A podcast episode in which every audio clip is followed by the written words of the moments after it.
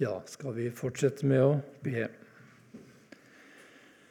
Ja, himmelske Far, du vet at vi har ikke sans for det som hører ditt rike til, bare for dette som er synlig. Og nå ber vi, Herre, om at du må få tale til oss og vise oss noe av dette som ikke er så synlig. Men gjør det synlig for oss, Herre. Vi ber om det i ditt navn. Amen. Vi skal lese noe av et vers fra Romerne 6, det siste verset, 23. Første halvdel. Vi stanser for det i kveld, og så skal vi se i morgen om vi lever, om vi tar eh, resten av verset. I Jesu navn. For den lønn som synden gir, er døden. For den lønn som synden gir, er døden. Amen. Tenk at eh, dette ordet her er like alvorlig som når Paulus skrev det, eller skal vi si når eh, Gud talte i Edens hage til Adam og Eva og sa at på den dagen du spiser av det treet, og så forbryter seg mot Guds gode og hellige vilje, skal du dø. Og Gjennom dette her sånn, så ser du og jeg noe av alvoret ved det som Bibelen kaller for synd. Ja, og du som leser i Bibelen, og kanskje særlig i Gamle Testamentet, det er en åpenbaringsbok. Hele Bibelen, det er Nytestamentet òg. Men der kan du litt lettere følge med på enkeltmenneskers liv og hvordan det går dem. Og så kan du legge merke til synden i deres liv, og hva synden den har som mål for å komme inn i deres hjerte og liv binde dem, og som er det som er den syndens egentlige mål, det er jo det at jeg skal bli skilt ifra Guds kjærlighet i Kristus Jesus. Det er at vi skal gå evig fortapt. Det er, det er også syndens mål. Og, og, dette her, det er også noe som er ifra syndefallets dag av. Og det har vært nå like eh, bestemmende og, og, og, og viktig som det alltid har vært. Slik at i i gamlepakten så var det aktuelt at syndens lønn er døden. Vi kan jo tenke på forferdelig utgang som eh, kong Saul fikk. Forferdelig, ikke sant? Mange andre situasjoner vi leser om, det gikk så galt. Hva var, for, hva var årsaken? Jo, det var synden. Og det at de ikke ville vende om fra synden. Vantroen. Og så er synden i dag like aktiv som den alltid har vært. Og den har dette målet, som, som nevnt, det er at uh, du og jeg skal skilles for evig med Gud. At vi skal kastes i den evige ildsjø, som Jesus taler om, og åpenbaringen, om uh, ilden som aldri slukner. Jeg veit ikke. Det er noen av dere som sikkert leser Dagen og ser at det er en sånn liten sånn av og til det kommer igjen at uh, fortapelsen, eh, døden, det er egentlig det tilintetgjørelse omsider. At du blir tilintetgjort. Og det er noen som forfekter dette veldig sterkt. Men du som leser Bibelen, du skal lese Bibelen slik det står. Og Det er, det er så lett å bruke menneskets tankegang og tenke at når noe brenner, ikke sant, så brenner det opp, og så blir det til intet. Tilintetgjørelse. Blir borte. Men Jesus snakker om ilden som aldri dør i fortapelsen. Og da er det jo noe som må brenne der. Og dette sier deg og meg med veldig enkle og klare ild at det å, å, å, dø, det er ikke det at jeg slutter å eksistere, men er det at jeg blir skilt ifra Gud og er borte fra Gud. Og en dag for alltid borte fra Gud. Her i livet, mens vi lever, så er det mulighet. ikke sant? Vi har nådetid. Gud kaller på oss til omvendelse og frelse. Det er mulighet. Men eh, etter døden, legemets død, så er det ingen ny mulighet. Og så kommer dommens dag. Og så er det da dette forferdelige Så skal menneskene deles i to. De gode og de onde. De rettferdige og de urettferdige. Og så skal de onde og de urettferdige de skal kastes i ildsjøen. Og så er det ingen utgang. Og Jeg har også lyst til å ta med det at eh, denne mannen, rike mannen som Jesus forteller om Med det samme han dør, så slår han øynene opp i dødsriket. Det er forværelse hvor menneskene samles til. Og på den ene siden det er så stort svelg imellom, ingen kan komme fra den ene siden til den andre. Og den ene sida ble han da sendt, og der slo han sine øyne opp. Og så sier han at han er i stor pine i denne lue, i denne ild.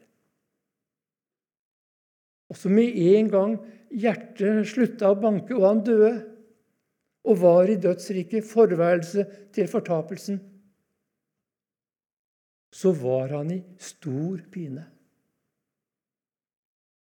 Og det er veldig underlig. Kroppen lå igjen på kirkegården. Ja, ja, de hadde vel ikke akkurat kirkegården, men lå i grava. ikke sant? Likevel så ba han om en dråpe på tunga si, enda han menneskelig sett ikke hadde noen tunge. Likevel så ba han om en dråpe vann for å svale tunga si. Det var bare i forværelse.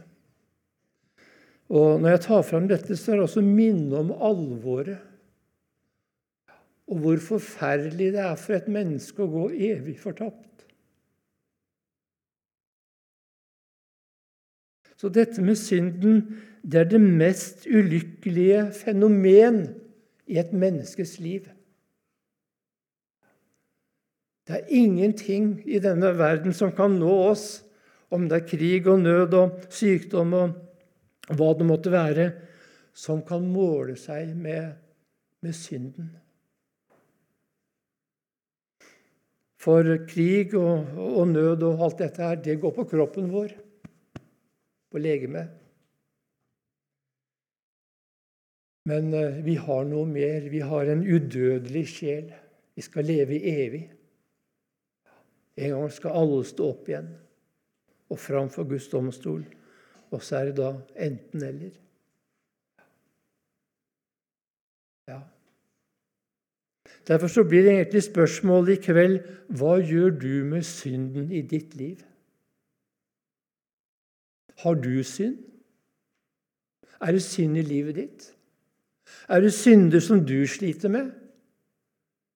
Eller har du kommet inn i en slik tilstand at Nei, synden Ja, du vet at du er en synder, ikke sant? Det er vi jo alle.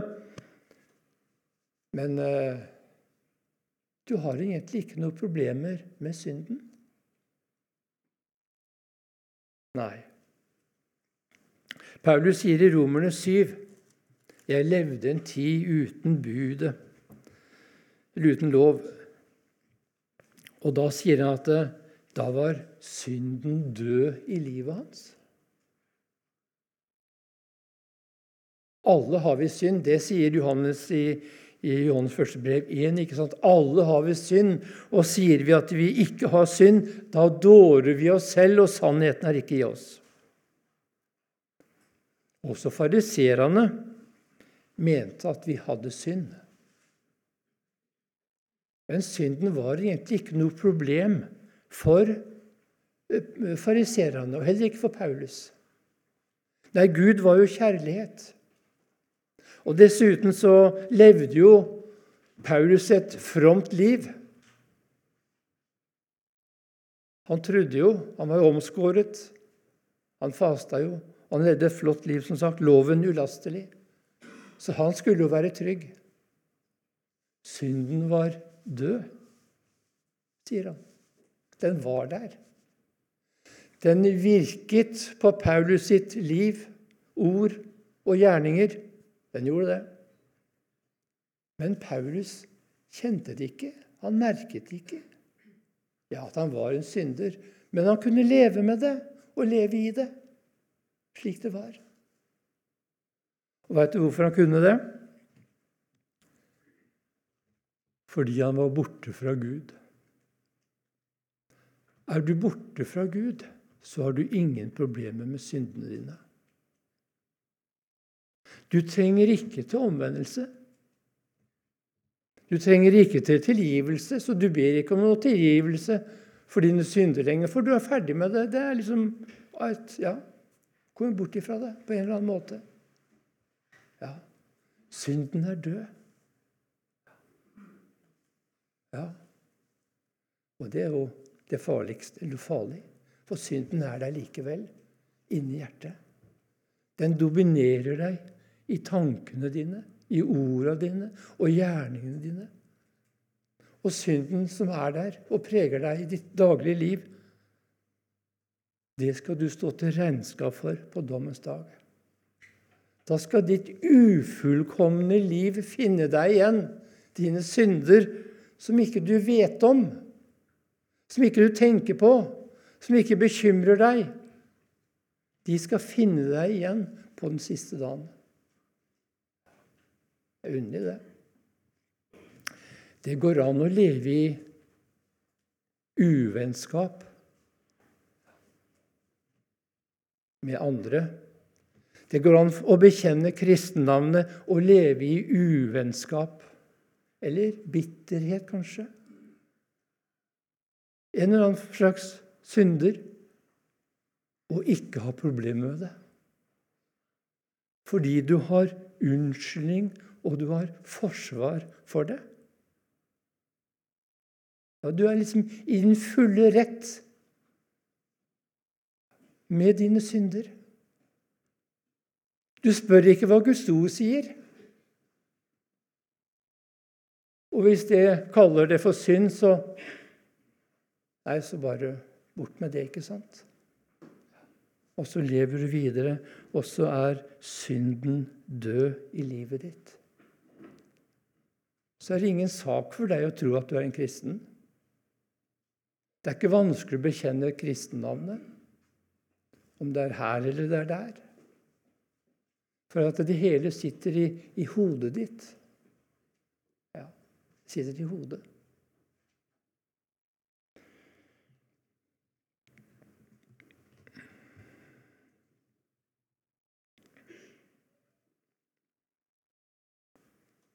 Du les, vi leser i Johannes ikke sant, at uh, Ånden han skal overbevise om synd.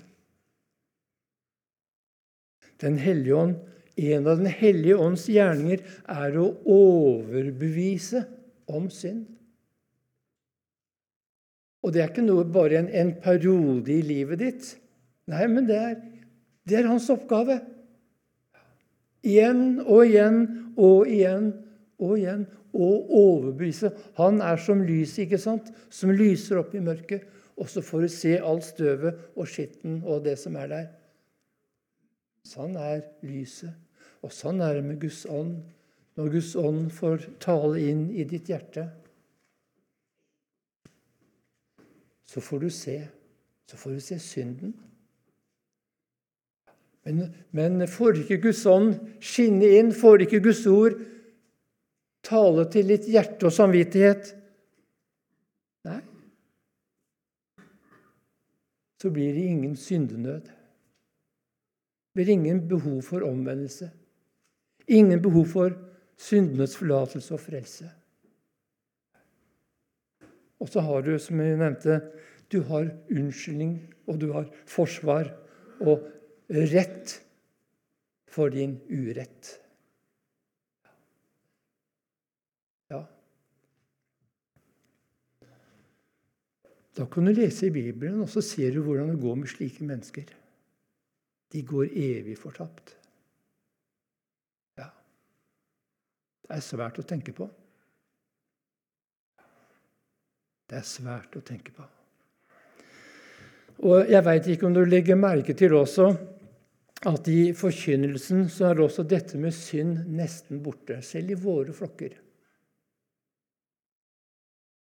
Dette å tale om, om synden At uh, synden får sitt rette navn. At jeg får se mitt liv. Ikke, det er ikke snakk om de andres, men at den åpenbares i mitt liv. At jeg får se den. Hvordan lever jeg? For slik som jeg lever ovenfor mine medmennesker, slik lever jeg jo først og fremst ovenfor Gud. Du husker sikkert det, at eh, det står flere ganger på flere måter han som vi har å gjøre med, står i Hebrevet 4. Og Ananias, når han kom med denne lille hvitløgnen For det var jo en, en, hvit løgn, for det var jo ikke løgn han, prest, eh, han eh, sa, men en, en hvit løgn. Det var en del av sannheten. For det var jo Han kom sikkert fram med mesteparten av pengene, men gjemte noe unna. Ikke sant? Og så han, han, han gjemt kanskje 10 20 jeg vet ikke, unna. Og så gir han uttrykk for denne at det er dette han har fått for åkeren sin. Og så er det ikke sant, men det er nesten sant. Det er nesten sant. Og så åpenbarer dette for deg og meg hvordan Gud er. Så sier Peter, 'Ananias, hvorfor har du gjort dette?' Du har ikke løyet for mennesker. Enda her løy han overfor Peter og de andre som var der. Nei, Ananias, du har ikke løyet for mennesker. Så sier han dette Du har løyet for Gud. Sånn er det i våre liv at alt det som jeg har å gjøre med overfor andre mennesker, om det er ektefeller, det er barn, foreldre eller uvenner, arbeidskolleger eller hva vi måtte kalle det Slik jeg oppfører meg, slik jeg tenker. Eller skal vi også ta med den andre siden at det gode som jeg skulle gjøre, men ikke gjør, også forsømmelsessyndene dem også. Forsømme å gjøre det gode. Det er ikke bare at jeg skal holde meg borte fra det onde, men jeg skal også gjøre det gode. Og når jeg forsømmer å gjøre det gode, så er det like stor synd i Guds øyne som å gjøre det onde. Og så er det mot Gud. Ja, tenk det at Alt i livet ditt og mitt, det er først og fremst imot Gud. Ja, Om det er venn eller uvenn, om du hater den eller elsker den, så er det alltid først og fremst imot Gud.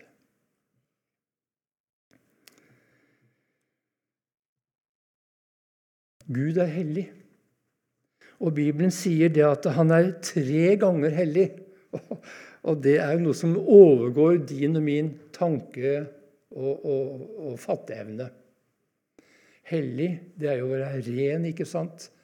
Og det å være opphøyet over alt og alle. Og det forstår vi. Å være ren. Enten er vi rene, eller så er vi ikke rene.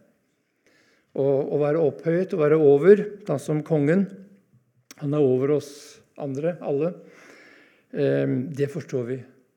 Og så når det kommer til Gud er tre ganger tre hellig. For i både Jesaja 6 og Johannes' åpenbaring 4 så, tjener, så faller de ned for Gud, og så roper de 'Hellig, hellig, hellig er Herren'.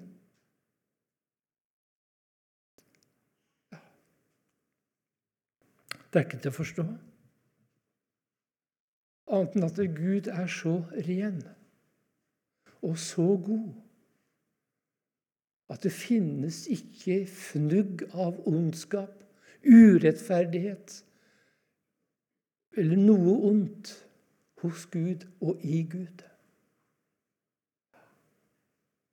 Han er aldeles ren. Og så er han fullstendig suveren over alle og alt.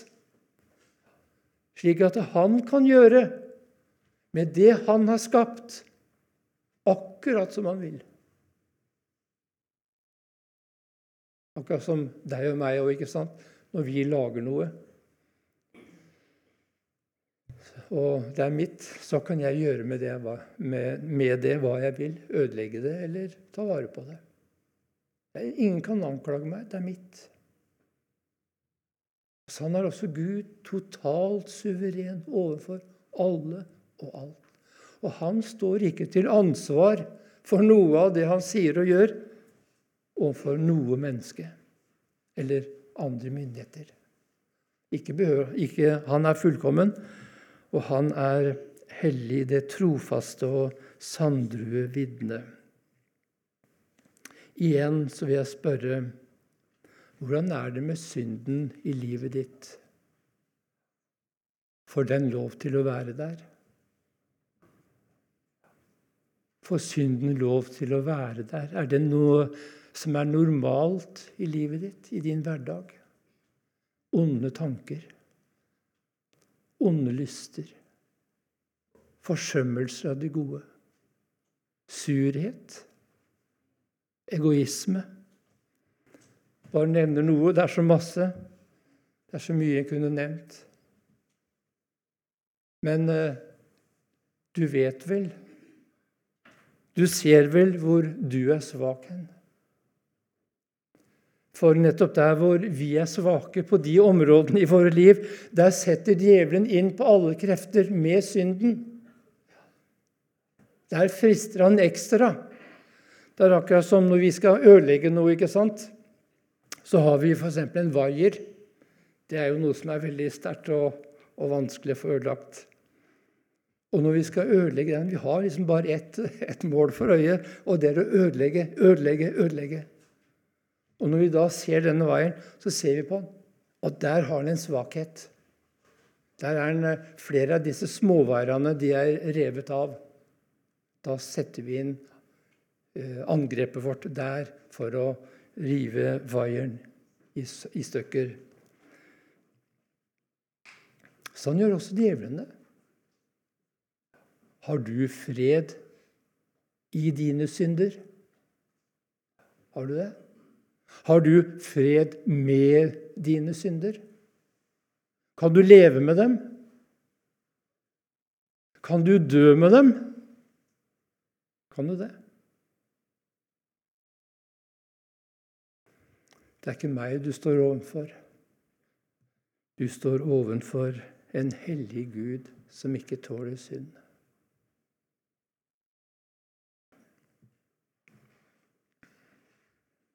Hvordan er det med synden i livet ditt? Hvordan er det? Gud har gitt deg og meg en veldig fin eh, målestokk til å måle dette med i, i våre liv. Og det er også denne målestokken Guds hellige ånd bruker når han skal tale om synd og overbevise om synd, om rettferdighet om dom. Så er det denne målestokken de ti bud. For de ti bud, det er ikke noe annet enn en åpenbaring av Guds rettferdighet. Det står i Romerne 3.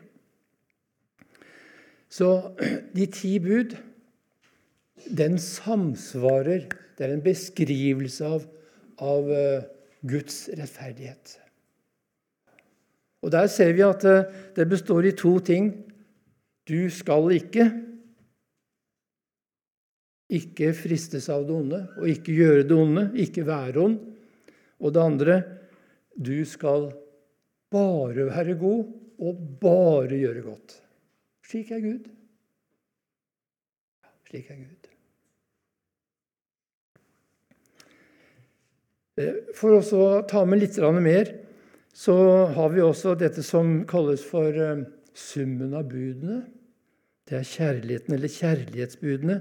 At eh, du skal elske Herren din Gud av hele ditt hjerte, all din sjel, all din makt og all din hu. Og der står det faktisk ordet agape. Du skal elske Gud med en slik kjærlighet, altså agape. Og agape, det er jo nettopp dette at en eh, er villig til altså En må være sammen med den andre. Og en, det den andre vil, det vil jeg. Og jeg vil det inntil, inntil det å gi, gi, livet mitt for den andre. Så på det første budet, da, som vi også har første budet og første kjærlighetsbudet, om å elske Gud om du elsker Gud, så skulle det resultere i ditt liv, i din hverdag, at du tok deg god tid til å være sammen med Han som ditt hjerte elsker. Du tok deg god tid. I bibellesing og i bønn. Eh, nå i vår moderne tid så har vi jo dette med, med nettet og hvordan disse som får uh, følge med hverandre, hvordan de bruker mobilen og nettet. Jo, her går kontakten begge veier. Det er jo ikke en måte på, nesten. ja. Men jeg syns det er et veldig fint bilde på det du elsker, eller den du elsker. Der må du være. Der må du ha kontakt. Men elsker du ikke, nei, så bryr du deg ikke om det. Nei, sånn er det jo. Så når jeg eh, Og det hører jeg jo Jeg eh, vet ikke hvor langt jeg skal gå ved å ta eksempler. Men eh, når, når, kontakten mellom to stykker som har vært ganske varm, så kjøles den, kan det hende. Ja. Og så kjøles det, og så blir det sjeldnere og sjeldnere og sjeldnere, og så blir det borte. Er ferdig. Ja. Kjærligheten, ordet agape, det er det at den vil være der den andre er, og leve for den andre. Og den andres vilje er min vilje. Ja. Det er kjærlighetens vesen. Og der det ikke er slik, der er jo egoisme. Der er jo det at jeg elsker meg selv og elsker meg og mitt. Og så blir da spørsmålet elsker du Gud? Elsker du Gud? Det er det første budet. Det er summen av kjærlighetsbudet. Elsker du Gud av hele ditt hjerte, all din sjel og all din makt? Og gjør du ikke det, vet du hva, så er du faktisk skyldig til helvetes ild. For tenk, tenk at det går an for oss mennesker å vite om Gud, ha kunnskap om Gud, og ikke elske Han. Han som virkelig er verdt å elskes, er det en som er verdt å elske, så er det Gud. Han som er Sandrud, sannheten, han som er livet, han som er kjærligheten, han som er freden, han som er gleden, han som er far, han som er skaper. Skulle jeg ikke elske Gud? Han som er tre ganger hellig, som er så ren og så god at det finnes ikke noe ondt i han. Skulle du ikke elske Gud? Skulle ikke det synes i livet ditt at du elsker Gud? Skulle ikke det? Ikke bare være en sånn floskel i munnen at 'jeg elsker Gud', så kan du ikke se det engang. Ulyst til å lese Bibel og, og bønn. Ulyst til å gå på møter. Ulyst til å være med i Guds rikes arbeid. Men lyst til alt som hører denne verden til, ja, det går av seg selv. Det var ett bud. Elsker du ikke Gud av hele ditt hjerte og all din sjel og all din makt, så du, har du brutt det første budet. Og så leste vi fra romerne at syndens lønn, det er døden. Det er den evige fortapelse. Jesus sier videre i Matteus 5 så sier han det at dere har hørt det er sagt. I vers 21. Eh, dere har hørt det er sagt til de gamle, du skal ikke slå i hjel, men den som slår i hjel, han skal være skyldig for dommen. Og så er det ingen av oss som dreper noen, verken med øks eller hammer eller våpen eller hva det måtte være. Vi dreper da ingen, og da er vi ikke skyldige til fordommen. Men skal vi lese videre hvordan, hvordan Jesus utlegger dette, hvordan Jesus forklarer dette for oss, så ser vi det i vers 22. Men jeg sier dere at hver den som blir vred på sin bror uten grunn, skal være skyldig for dommen. Eh, vred, ordet vred, det er eh, et ord som går på det å være langsint. Vet du, Noen har jo en sånn, Vi er litt forskjellige. Noen har en sånn sinne som Og så er det smell, bank, eller pankrasj med en gang. Mens andre de klarer å styre seg, men så er de veldig langsinte. Og denne langsintheten, den nærer de. Den liksom holder de ved like. Ja, at det er eh, Eh, dette ordet i grunnteksten som står der. Være skyldig. Da er du også skyldig til dommen.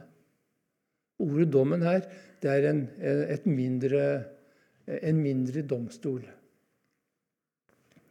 Men den som sier til sin bror 'raka', skal være skyldig for rådet. Raka, det er et foraktelig uttrykk. Det er det samme som 'din dumrian'. Ja. Og det går jo an å bli arg og sint inni hjertet, ikke sant? Det er jo derfra synden kommer, alltid. Og så går den ut i ord og i sinne, og så kommer det Så kan vi si 'din dumming'. Vi syns den andre er vi, forakter et foraktelig uttrykk, ja. Og da står, sier Jesus at du er skyldig for rådet. Det er en høyere domstol. Og så sier han, men den som sier 'du dåre', skal være skyldig til helvetes ild. Dåre, din slyngel. Det er disse tre uttrykkene med dette sinnet og, og raka og dåre, det er egentlig der og der og der. Det er sterkere uttrykk, negative uttrykk. Og så ser vi også Jesus sier at dommen blir også gradvis sterkere. Dersom Jesus sier at den som visste sin herres, hva hans herres vilje var, og ikke gjorde det, han skal få flere slag enn den som ikke visste og ikke gjorde det. Så det er grader av dommen, men det Jesus sier, at du er skyldig. Du er skyldig. Jeg vet ikke om du kan bli langsint. Det er det onde hjertet ditt. At du møter det onde med det onde. og du syns det er aldeles rettferdig. Men det sier ikke Gud. Nei, Gud sier du skal ikke. Du skal ikke slå i hjel med ord og sinnelag og tunge eller gjerninger, holdninger. Du skal elske din neste. Det sier Gud. Ser du ikke hvor god Gud er? Han krever av oss alle, uansett hvem vi er, om vi er kristne eller ikke kristne, så sier han dette. Så har vi det sjette. Sjette budet i Matteus 5,31. Det er sagt den som skiller seg fra sin hustru, skal gi henne skilsmissebrev. Men jeg sier dere at hver den som skiller seg fra sin hustru utenfor hors skyld, han volder at hun driver hor. Og den som gifter seg med en fraskilt kvinne, han driver hor. Og så ser vi vers 28.: Men jeg sier det at hver den som ser på en kvinne for å begjære henne, har alt revet hor med henne i sitt hjerte. Det går også an å være horkarl uten å være horkarl i det åpenbare. Ja. Det går an å være hore uten å være hore i det åpenbare. Men hore og horkarl i hjertet. For disse syndene leve i livet ditt. Har du fred i disse synder? Om det er det å slå i hjel med ord og handling, har du fred med det? Har du fred med med syndene dine?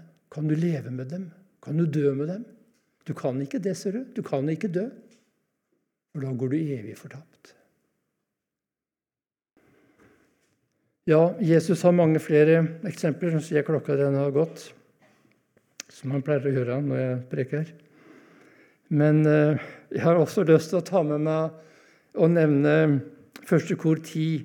Det er formaningene alle formaningene som leser i brevene, ikke sant? om hvordan du som er et Guds barn, skal leve, så er formaningene en, en utleggelse av de ti bud.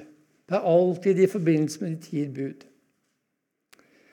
Og så formaningene er også Guds gode og hellige vilje med livet ditt. Da sier Paulus i, i 1. Korinterne 10 at uh, ingen søker sitt eget. Det er ganske sterkt. Ingen søker sitt eget, men enhver søker den annens beste. Det er i overensstemmelse med, med kjærlighetsbudet, ikke sant? summen av budene. At uh, du skal elske din neste som deg selv. Slik som du tenker på deg selv, og det finner, faller naturlig for deg å, å søke ditt eget og, og, tenke ditt eget beste. Slik skal du tenke på den, din nestes beste og gjøre det som er han til det beste og behag. Uansett, er det venn eller fiende, spiller ingen rolle. Du skal, Om andre er onde, skal du være god. Og er du ikke det, så synder du. Du synder imot Gud, imot Guds, Guds gode, hellige vilje. Og i vers 31, 1. Korinterne 10.: Enten jeg altså eter eller drikker eller hva jeg gjør, så gjør alt til Guds ære. Ja. Tenk det. Og når, ikke, når du forsømmer dette, ikke sant, så er det synd. Du gjør Den hellige ånds sorg. Akkurat som far og mor. ikke sant? De har sorg av barna når barna velger feil vei. Når barna begynner å gå ut på skråplanet, så er det stor sorg. Og slik taler Bibelen også om at eh, Den hellige ånd han sørger over barna, Guds barn, som gjør, er ulydige og derfor gjør Den hellige ånd sorg. Gjør alt til ære for Gud. Vær uten anstøt både for jøder og for grekere og for Guds menighet. Ja, det får være eksempler. Jeg får gå til avslutning. Les Bibelen. Les Bibelen. Be Gud åpenbare sitt ord for deg. Legg vind på å lese i Skriften. Det sier Skriften. Legg vind på det. Er det noe som er viktig for deg i din hverdag, så er dette det viktigste. Det er det viktigste. Det skal du få se en dag, på den siste dagen, når himmel og jord forgår, eller under oppstandelsen. At det viktigste her på jord, det er å lese Bibelen og bli vist til frelse, få leve i samfunnet med Herren. Komme inn i samfunnet og leve i samfunn med Herren. Ta tid. Og lev etter det som du leser. Gjør etter det som du leser. Ikke vær slik at du leser, ikke sant? så leser du om de ti bud eller kjærlighetsbud eller for mange av så lukker du Bibelen, så ferdig med det. Så går du ut og lever det vanlige, gamle livet. Nei. Det kan bli en snare for deg, du som har kommet til livet i Gud at du kan falle fra til slutt. Synden får mer og mer makt og tak på deg, og til slutt så dør gudslivet. Og så blir det ingen omvendelse lenger. Ikke noe rop om frelse lenger. Ikke noe rop om syndenes forlatelse. Alt, det er dødt. Det er som det er dødt, alt sammen.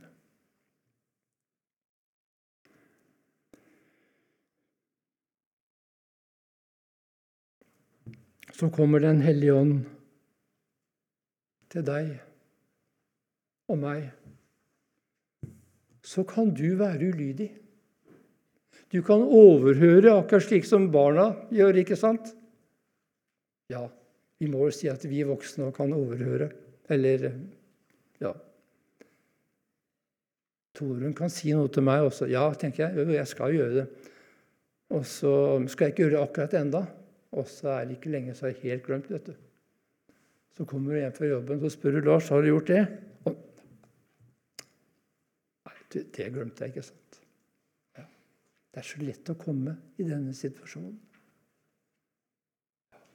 Guds ånd kommer og overbeviser om synd.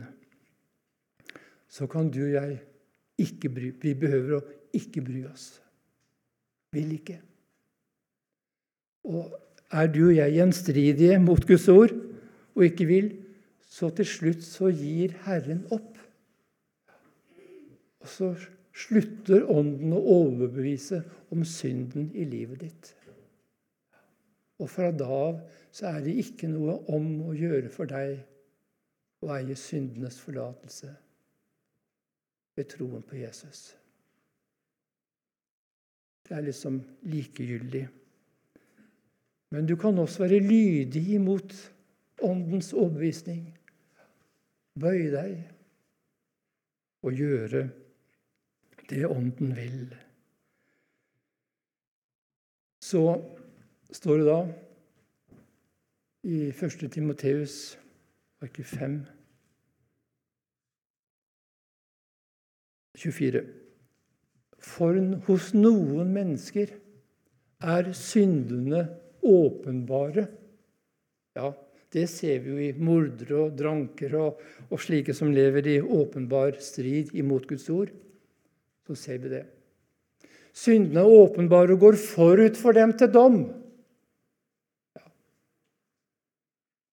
Men de ser det ikke. Men den som har øyne, han ser det. Og så står det Men hos noen følger de etter. De er også skjult. De er skjult.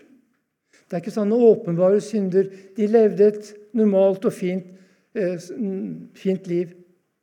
Og likevel så er det synder som følger etter til dom. Skal det være slik du skal oppleve det på dommens dag? Du lever et kristelig liv, ikke sant? Men så er det likevel noen hemmelige synder, Det er noen sånne skjøde synder. Noen synder som vi elsker litt mer enn andre, som får lov til å være der. Som har De får lov til å være der, ja. Det blir ikke noen dødsdom over dem. Det blir ikke noe rop 'Herre, frels meg og fri meg fra dette'. Så lever du i dem, og så dør du med dem. Og så er det ingen andre som vet om disse syndene, men de følger etter deg til dom og dommens dag. Og der skal de finne deg igjen. Forferdelig. Derfor hvordan er det med deg og synden? Hvordan er det med deg og dine synder? Ser du dem? Gir du Guds ånd rett og bøyer deg? Omvender deg? Og går til Herren med dine synder? Så stopper vi der. Herre Jesus, miskunn deg over oss, og må du legge inn på hjertet vårt at det gjelder evigheten, en himmel eller et helvete. Og Jesus, miskunn deg over oss. Amen.